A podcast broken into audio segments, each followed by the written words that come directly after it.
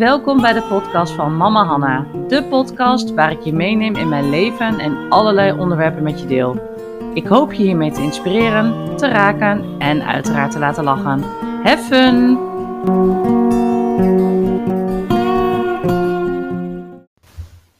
Hey, welkom alweer bij mijn derde podcast. En het is een hele bijzondere dag vandaag, want Ariane en ik zijn vandaag vijf jaar getrouwd. Ik weet niet zo goed wanneer deze podcast online komt, maar 16 februari 2021 hebben wij een houten huwelijk. Dus uh, ja, daar ben ik wel echt super trots op. De tijd is echt voorbij gevlogen. En als ik dan terugkijk op de afgelopen vijf jaar en zie wat we allemaal hebben meegemaakt samen, ja, dan uh, voelt het echt als een eeuwigheid. En dan is vijf jaar eigenlijk nog helemaal niet zo lang. En toch is het ook weer, ja, heel snel gegaan of zo. Dus uh, ja, ineens zijn we dan weer vijf jaar verder. En dat, uh, ja, ben ik echt wel super trots op. Nou, dit is mijn derde podcast. Ik wil iedereen in ieder geval bedanken voor de feedback na de vorige. De voorkeur gaat toch uit naar, ehm, nou ja, bloot uit het hoofd, zeg maar. Dus dat ga ik vanaf nu ook gewoon doen. Wat wel met gevolg is, is dat ik wat misschien wat meer en um, soms niet in mijn woorden kom. Maar goed, dat is misschien ook wel weer de charme van een podcast. Ik wil niet te veel editen, omdat ik vind dat het ook zo is zoals, zoals het is. En ik heb ook niet zo heel veel uh, zin om daar heel veel werk aan te hebben. Maar goed, aldoende leert men, dus we zullen wel zien uh, wat eruit komt. Nou, zoals sommigen van jullie misschien al hebben uh, gelezen, is dat ik een podcast zou opnemen over ons ziekenhuisbezoek gisteren. Dus daar wil ik uh, jullie in meenemen. Nou, eigenlijk vanaf um, het eerste moment dat wij dus uh, erachter kwamen dat onze kinderen dus slechthorend zijn, hebben we ontzettend veel onderzoeken gehad. En best wel veel mensen vragen mij van, goh, hoe, hoe ziet zo'n onderzoek er dan uit? Hoe gaat het in zijn werk? Dus ik wil eigenlijk jullie even meenemen in um, nou, hoe dat dan werkt. Wij hebben een tijdje geleden um, dat was denk ik oktober, november vorig jaar, zijn wij met Aaron, onze jongste zoon, het traject voor uh, een CI of meerdere CI's ingegaan. Dat had te maken met dat um, eigenlijk bij de start van, uh, de, toen we erachter kwamen dat hij slechthorend was, toen was zijn gehoor, nou ja, um, gemiddeld slechthorend, zeg maar. Dus een normaal persoon um, hoort ongeveer bij uh, nou ja, normale spraken, zeg maar bijvoorbeeld 20 bij 20 decibel. En um, zonder gehoorapparaten was zijn uh, grens uh, voor lage tonen lag rond de 40, 50 decibel.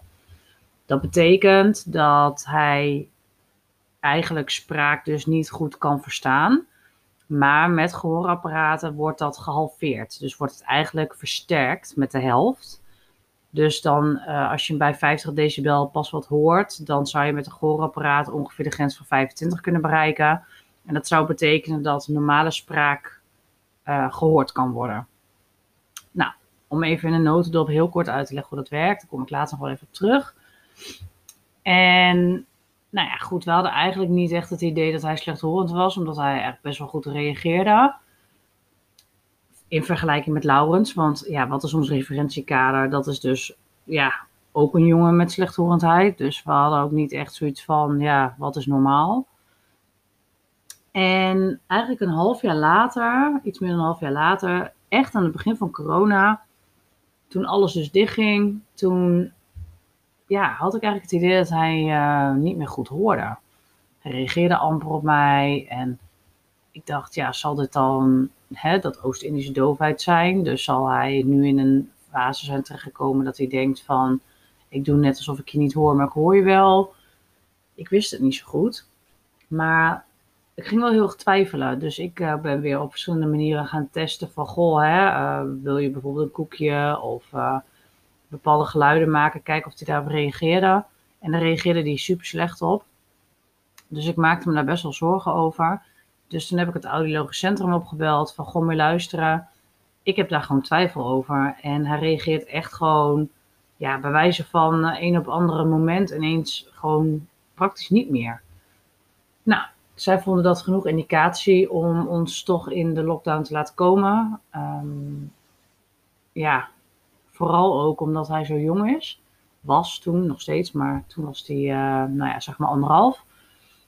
En nou ja, goed, prima. Dus uh, ik er naartoe met, uh, met Aaron. En toen hebben ze hem dus getest. En daar kwam inderdaad uit dat hij gewoon, dat zijn gehoor echt ver achteruit was gegaan. Dus ook niet een klein beetje, maar echt ver. Dus um, om je even een indicatie te geven. De eerste keer dus dat het is onderzocht, kwam zijn um, uh, de, de ondergrens, zeg maar, dus wat hij hoort zonder gehoorapparaten was bij de lage tonen ongeveer uh, nou, 50, 40, 50 decibel en hoge tonen ongeveer 60, 70.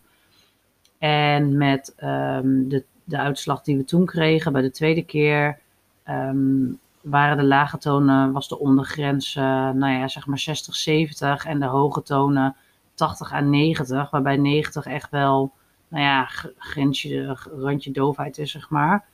Dus het was echt fors achteruit gegaan en daar schrok ik heel erg van ergens gaf het me wel de bevestiging van: oké, mijn gevoel is dus goed.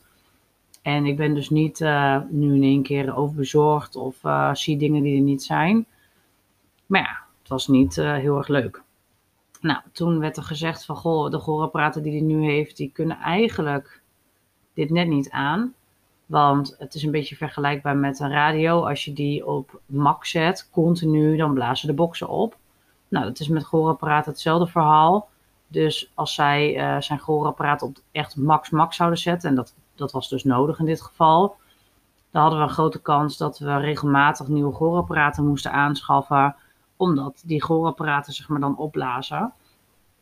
Dus ik zei van, goh, wat is dan het alternatief? Dat zeiden ze van, nou, er is eigenlijk nog één variant gehoorapparaten die nog net ietsje harder gezet kan worden dan dit. En, uh, maar niet heel veel.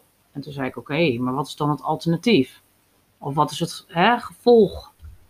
Ja, daar wilden ze eigenlijk niet over, niet over praten, want daar hadden ze eigenlijk geen aanleiding voor. Um, dus ja, eigenlijk was dit gewoon de conclusie: gehoorapparaten en dan zou het daarmee uh, hopelijk voldoende zijn. Toen heb ik het daar ook wel een beetje bij gelaten, want ik dacht: als ik nu heel erg ga doorzagen, dan heb ik ook weer te veel info om over na te denken. En dan ga ik misschien weer heel erg me zorgen maken of. Malen over dingen of dingen opzoeken op internet. En ja, je moet je afvragen of je daar beter van wordt, vooral als het nog niet te sprake is. Maar aan de andere kant ben ik ook wel iemand die graag voorbereid is op alles. En toch wel graag um, wil weten wat er dan nog achter de deur staat, zeg maar. Dus, maar goed, we zijn dus, uh, nou, die nieuwe gehoorapparaten zijn besteld en dat is allemaal ingesteld. En um, ja, daarmee was het eigenlijk klaar. En we moesten eigenlijk gewoon gaan kijken hoe die daarop zou gaan reageren. Nou, oké, prima. Nou, in de maanden daarna, um, we gingen een paar maanden later verhuizen. Van, uh, van de ene regio naar de andere regio. Dus we werden ook overgedragen naar een nieuwe instantie. Ander audiologisch centrum. En we kregen dus ook nieuwe gezinsbegeleiding. En eigenlijk was het wel een klein beetje naar de achtergrond uh, weggeëpt. Omdat ik ook zoiets had van ja, we hebben nu andere dingen om ons, ons op te focussen. Toen uh, in die tijd, nou, verhuizen, dat zeggen ze, hè, dat is een van de uh, meest uh, indrukwekkende gebeurtenissen van een kind na scheiding. Of het overlijden van een ouder. Nou, dat hebben we bij Laurens echt meegemaakt, want die is echt een paar maanden flink van het padje af geweest. En heeft echt weer, um, ja, we gingen een beetje terug in de tijd qua slaapproblemen en gedrag. Dus we hebben onze handen vol gehad aan hem uh, eigenlijk in de maanden nou ja, juli, augustus, september. En toen ging hij naar school en uh, toen werd het gelukkig wat rustiger. En in september werd eigenlijk een beetje de nieuwe zorg opgestart. En toen kregen we dus een nieuwe gezinsbegeleidster. Nou, die kwam bij ons en die zegt van... Goh, ik wil eigenlijk gewoon jullie hele verhaal van A tot Z horen. Hoe het allemaal is gelopen. Want ja, blijkbaar, iedereen vindt het heel bijzonder dat wij zo laat achter zijn gekomen met Laurens dat hij slechthorend uh, is. Nou ja, goed ja, oké, nou inmiddels had ik mijn verhaal wel honderd keer gedaan, denk ik. Dus uh, dat schud ik inmiddels wel uit mijn mouw. Dus we hebben eigenlijk ons verhaal gedaan. En um, nou, ze had ook uh, alle audiogrammen van de kinderen gezien. Dus de, de uitslagen van de, van de onderzoeken, zeg maar. Dus hoe slechthorend ze zijn. En toen zei ze van, uh, ik weet niet of het de eerste keer was of de tweede keer dat ze bij ons was. Het zegt ze van, goh, mag ik eerlijk tegen jullie zijn? Dus wij zeiden, ja hoor, ik bedoel, uh, wij hebben je ook nu echt een volledig inkijkje gegeven in onze situatie. Dus uh, je mag zeker eerlijk zijn. En toen zei ze, hebben jullie wel eens overwogen om uit te zoeken of een CI beter zou zijn voor Aaron? Dus ik zeg, uh, ja, dat heb ik eigenlijk wel zo, hè, uitgezocht of gevraagd, maar er werd eigenlijk een beetje werd eigenlijk op geantwoord van daar denken we nu nog niet aan, dus daar gaan we ook verder niks over zeggen. Nou, toen kwam zij eigenlijk met de info dat bij dit audiogram, dus bij de slechthorendheid van Aaron, die dus de keren daarvoor was geconstateerd, een aantal keer, dus niet één keer, maar meerdere keren, uh, dat eigenlijk daar, um, ja, dat de vraag is of gehoorapparaten toereikend genoeg zijn. Oké, en wat is dan het alternatief? Ja, dat is dus, zou dus een CI of twee CI's kunnen zijn. Dus ja, eigenlijk, ja, dat, het overviel me. Het viel me een beetje rauw op mijn dak. Ik, uh, ik had er niet zo goed gevoel bij. Omdat ik ook daar eerder naar had geïnformeerd. En toen werd eigenlijk de deur een beetje dicht, dichtgegooid. Van ja, uh, daar moet je niet mee bezig zijn. En zij begon daar gewoon zo over alsof het... Ja, waarom hadden we er eigenlijk nog nooit eerder aan gedacht? Nou goed, toen zijn we dus eigenlijk uh, uh, informatie gaan opvragen en uh, uiteindelijk dus in het ziekenhuis terechtgekomen hiervoor om onderzoeken te laten doen om te kijken of hij daar een kandidaat voor is.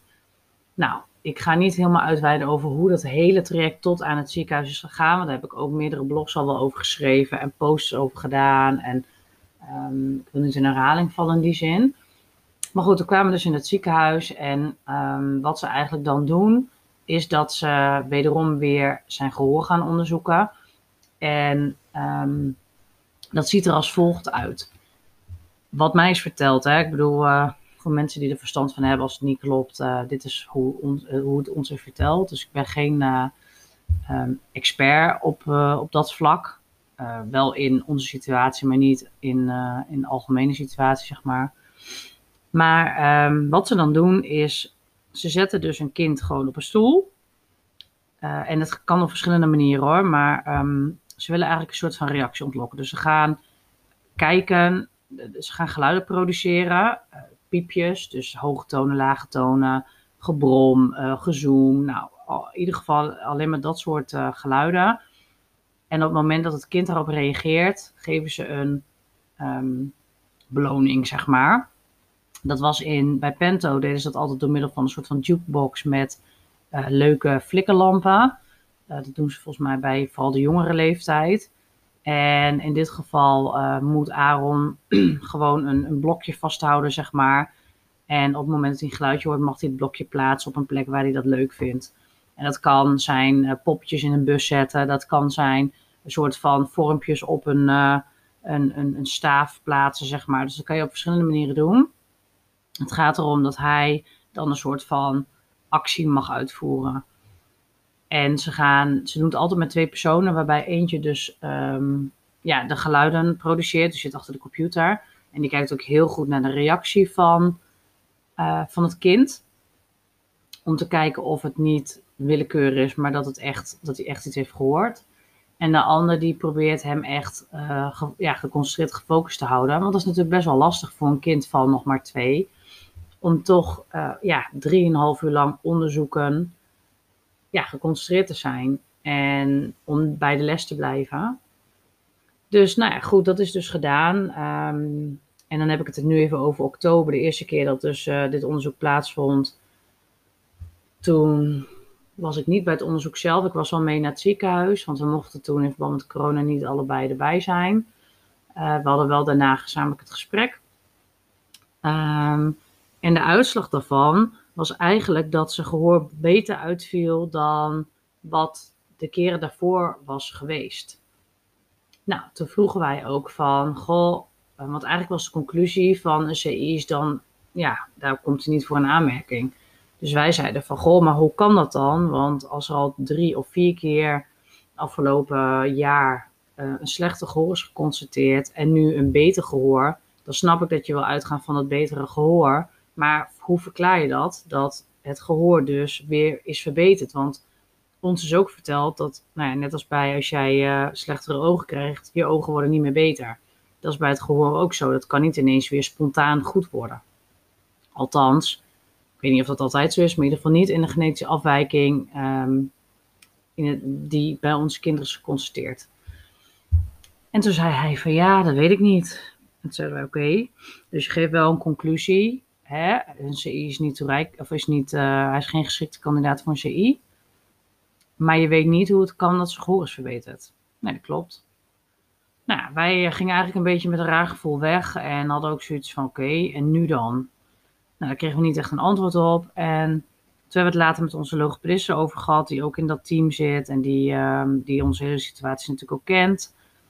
En toen zeiden wij van, um, in hoeverre is die piepjestest nu betrouwbaar? Want kijk, Arion die heeft ook een piep in zijn oren. En die zegt, ja, weet je, als jij, uh, ik hoor ook uh, in de verte wel een bas als een auto langs rijdt. Maar dat betekent toch niet dat ik ook hè, de spraak versta. En dat is uiteindelijk wat je als mens nodig hebt. Je moet, uh, hij moet straks naar school en hij moet de juf kunnen verstaan. Of de meester. Dus je moet uiteindelijk de taal kunnen verstaan. Niet horen, maar echt verstaan.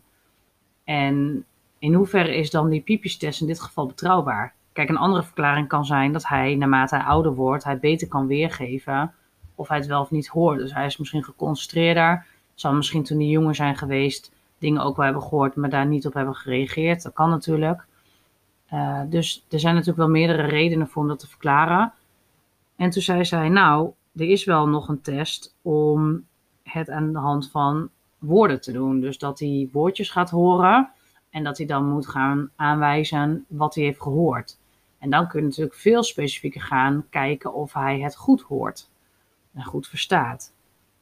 Alleen dat doen ze pas vanaf drie jaar. Nou, dat was hij natuurlijk nog niet. Maar toen zeiden wij van, heel eerlijk, hoe hij overkomt op ons, denken wij dat wij, hij dat wel kan. En toen zei ze, nou, ik denk dat hij dat ook wel kan. Dus zij heeft dat aangevraagd en is vervolgens een aantal weken lang met logopedie is die test gaan oefenen. Om gewoon hem voor te bereiden op dat onderzoek en om te kijken van gewoon hoe ver kun je dit ook. Nou, dat ging hartstikke goed.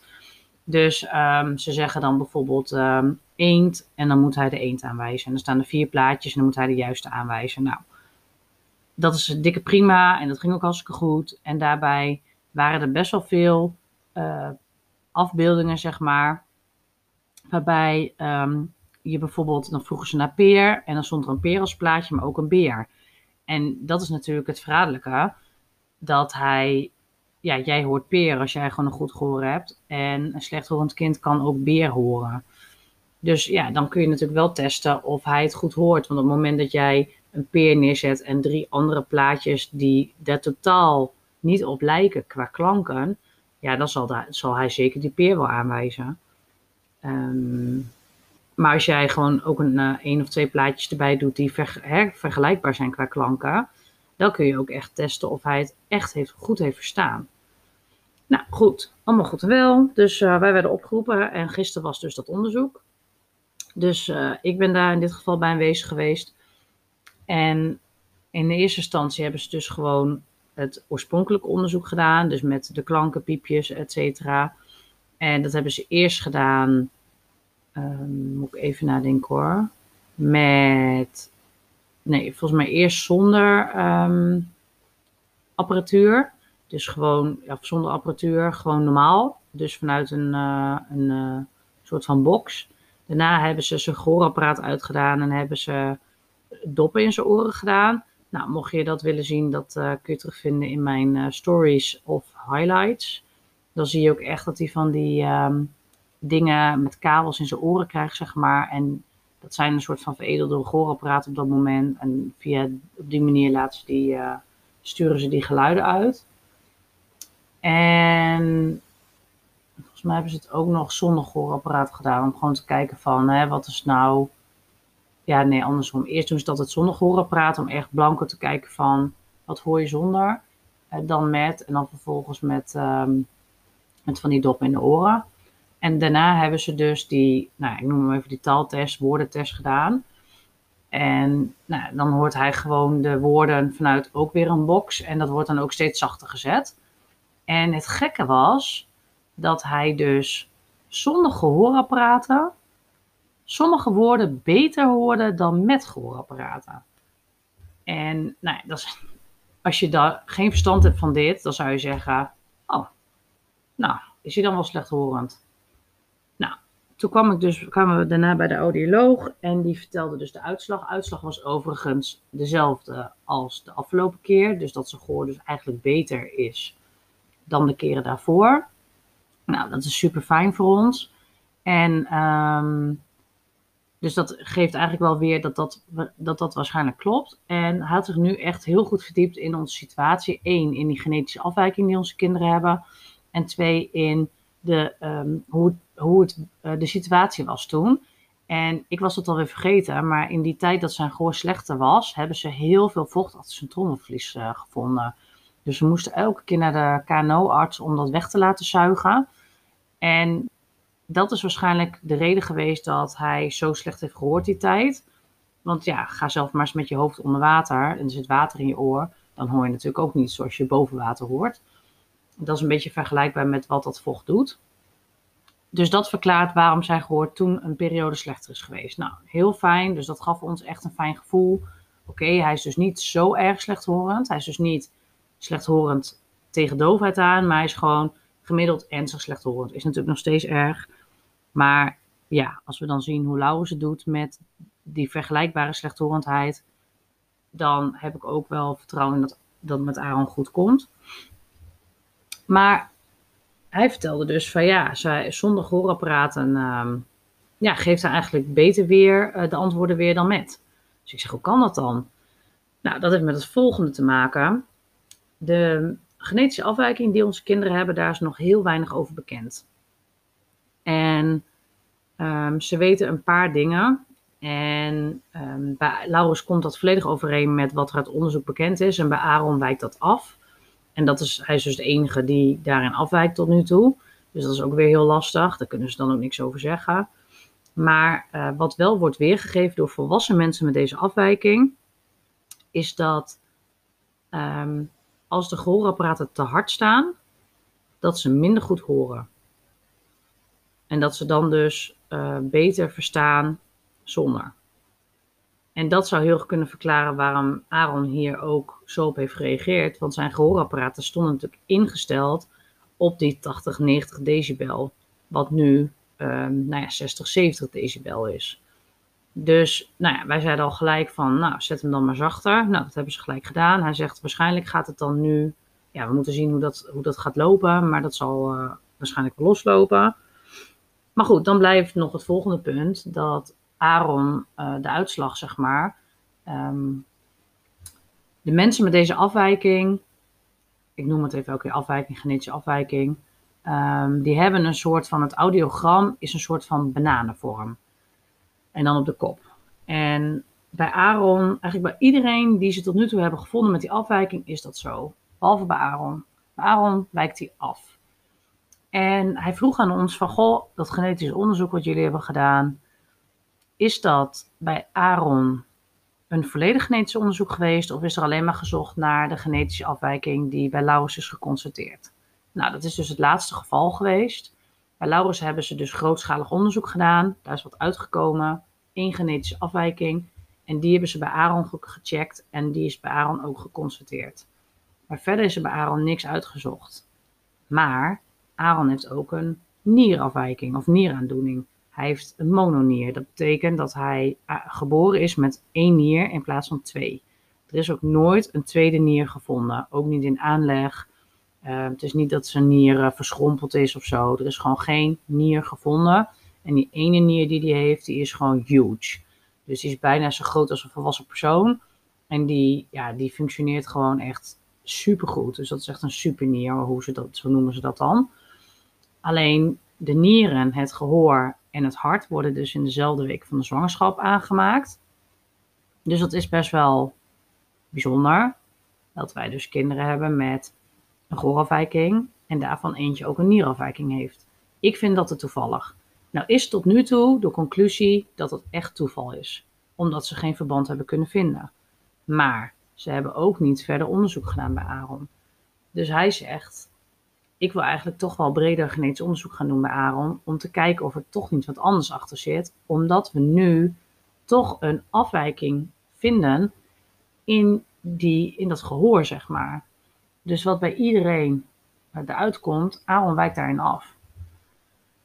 Dus ja, wij zeiden van ja, dat is prima. Dat uh, vinden we eigenlijk ook wel prima. Alleen wat het risico natuurlijk is, is dat je ook andere dingen gaat vinden.